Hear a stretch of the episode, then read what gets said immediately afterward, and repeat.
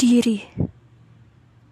Ketika diri ini begitu kotor, Sang Maha membolak-balikkan hati mencoba membersihkan. Banyak noda mungkin yang sulit dihilangkan karena dibuat untuk istiqomah. Taat pun masih tertatih-tatih. Aku bersyukur meski masih mencoba. Aku hanya ingin dekat dengan Allah. Entahlah, hati ini, diri ini, raga ini perlu dibersihkan hingga bersih.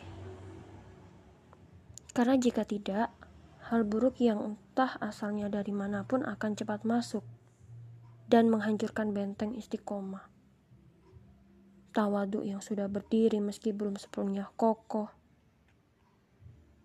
Diriku, bahkan aku tak tahu apa yang salah pada diri ini. Banyak kesalahan, tapi mungkin tak kurasakan. Sebenarnya, apa yang kau inginkan dalam hidup ini? Semua tanda-tanda sudah Allah peringatkan kepadamu.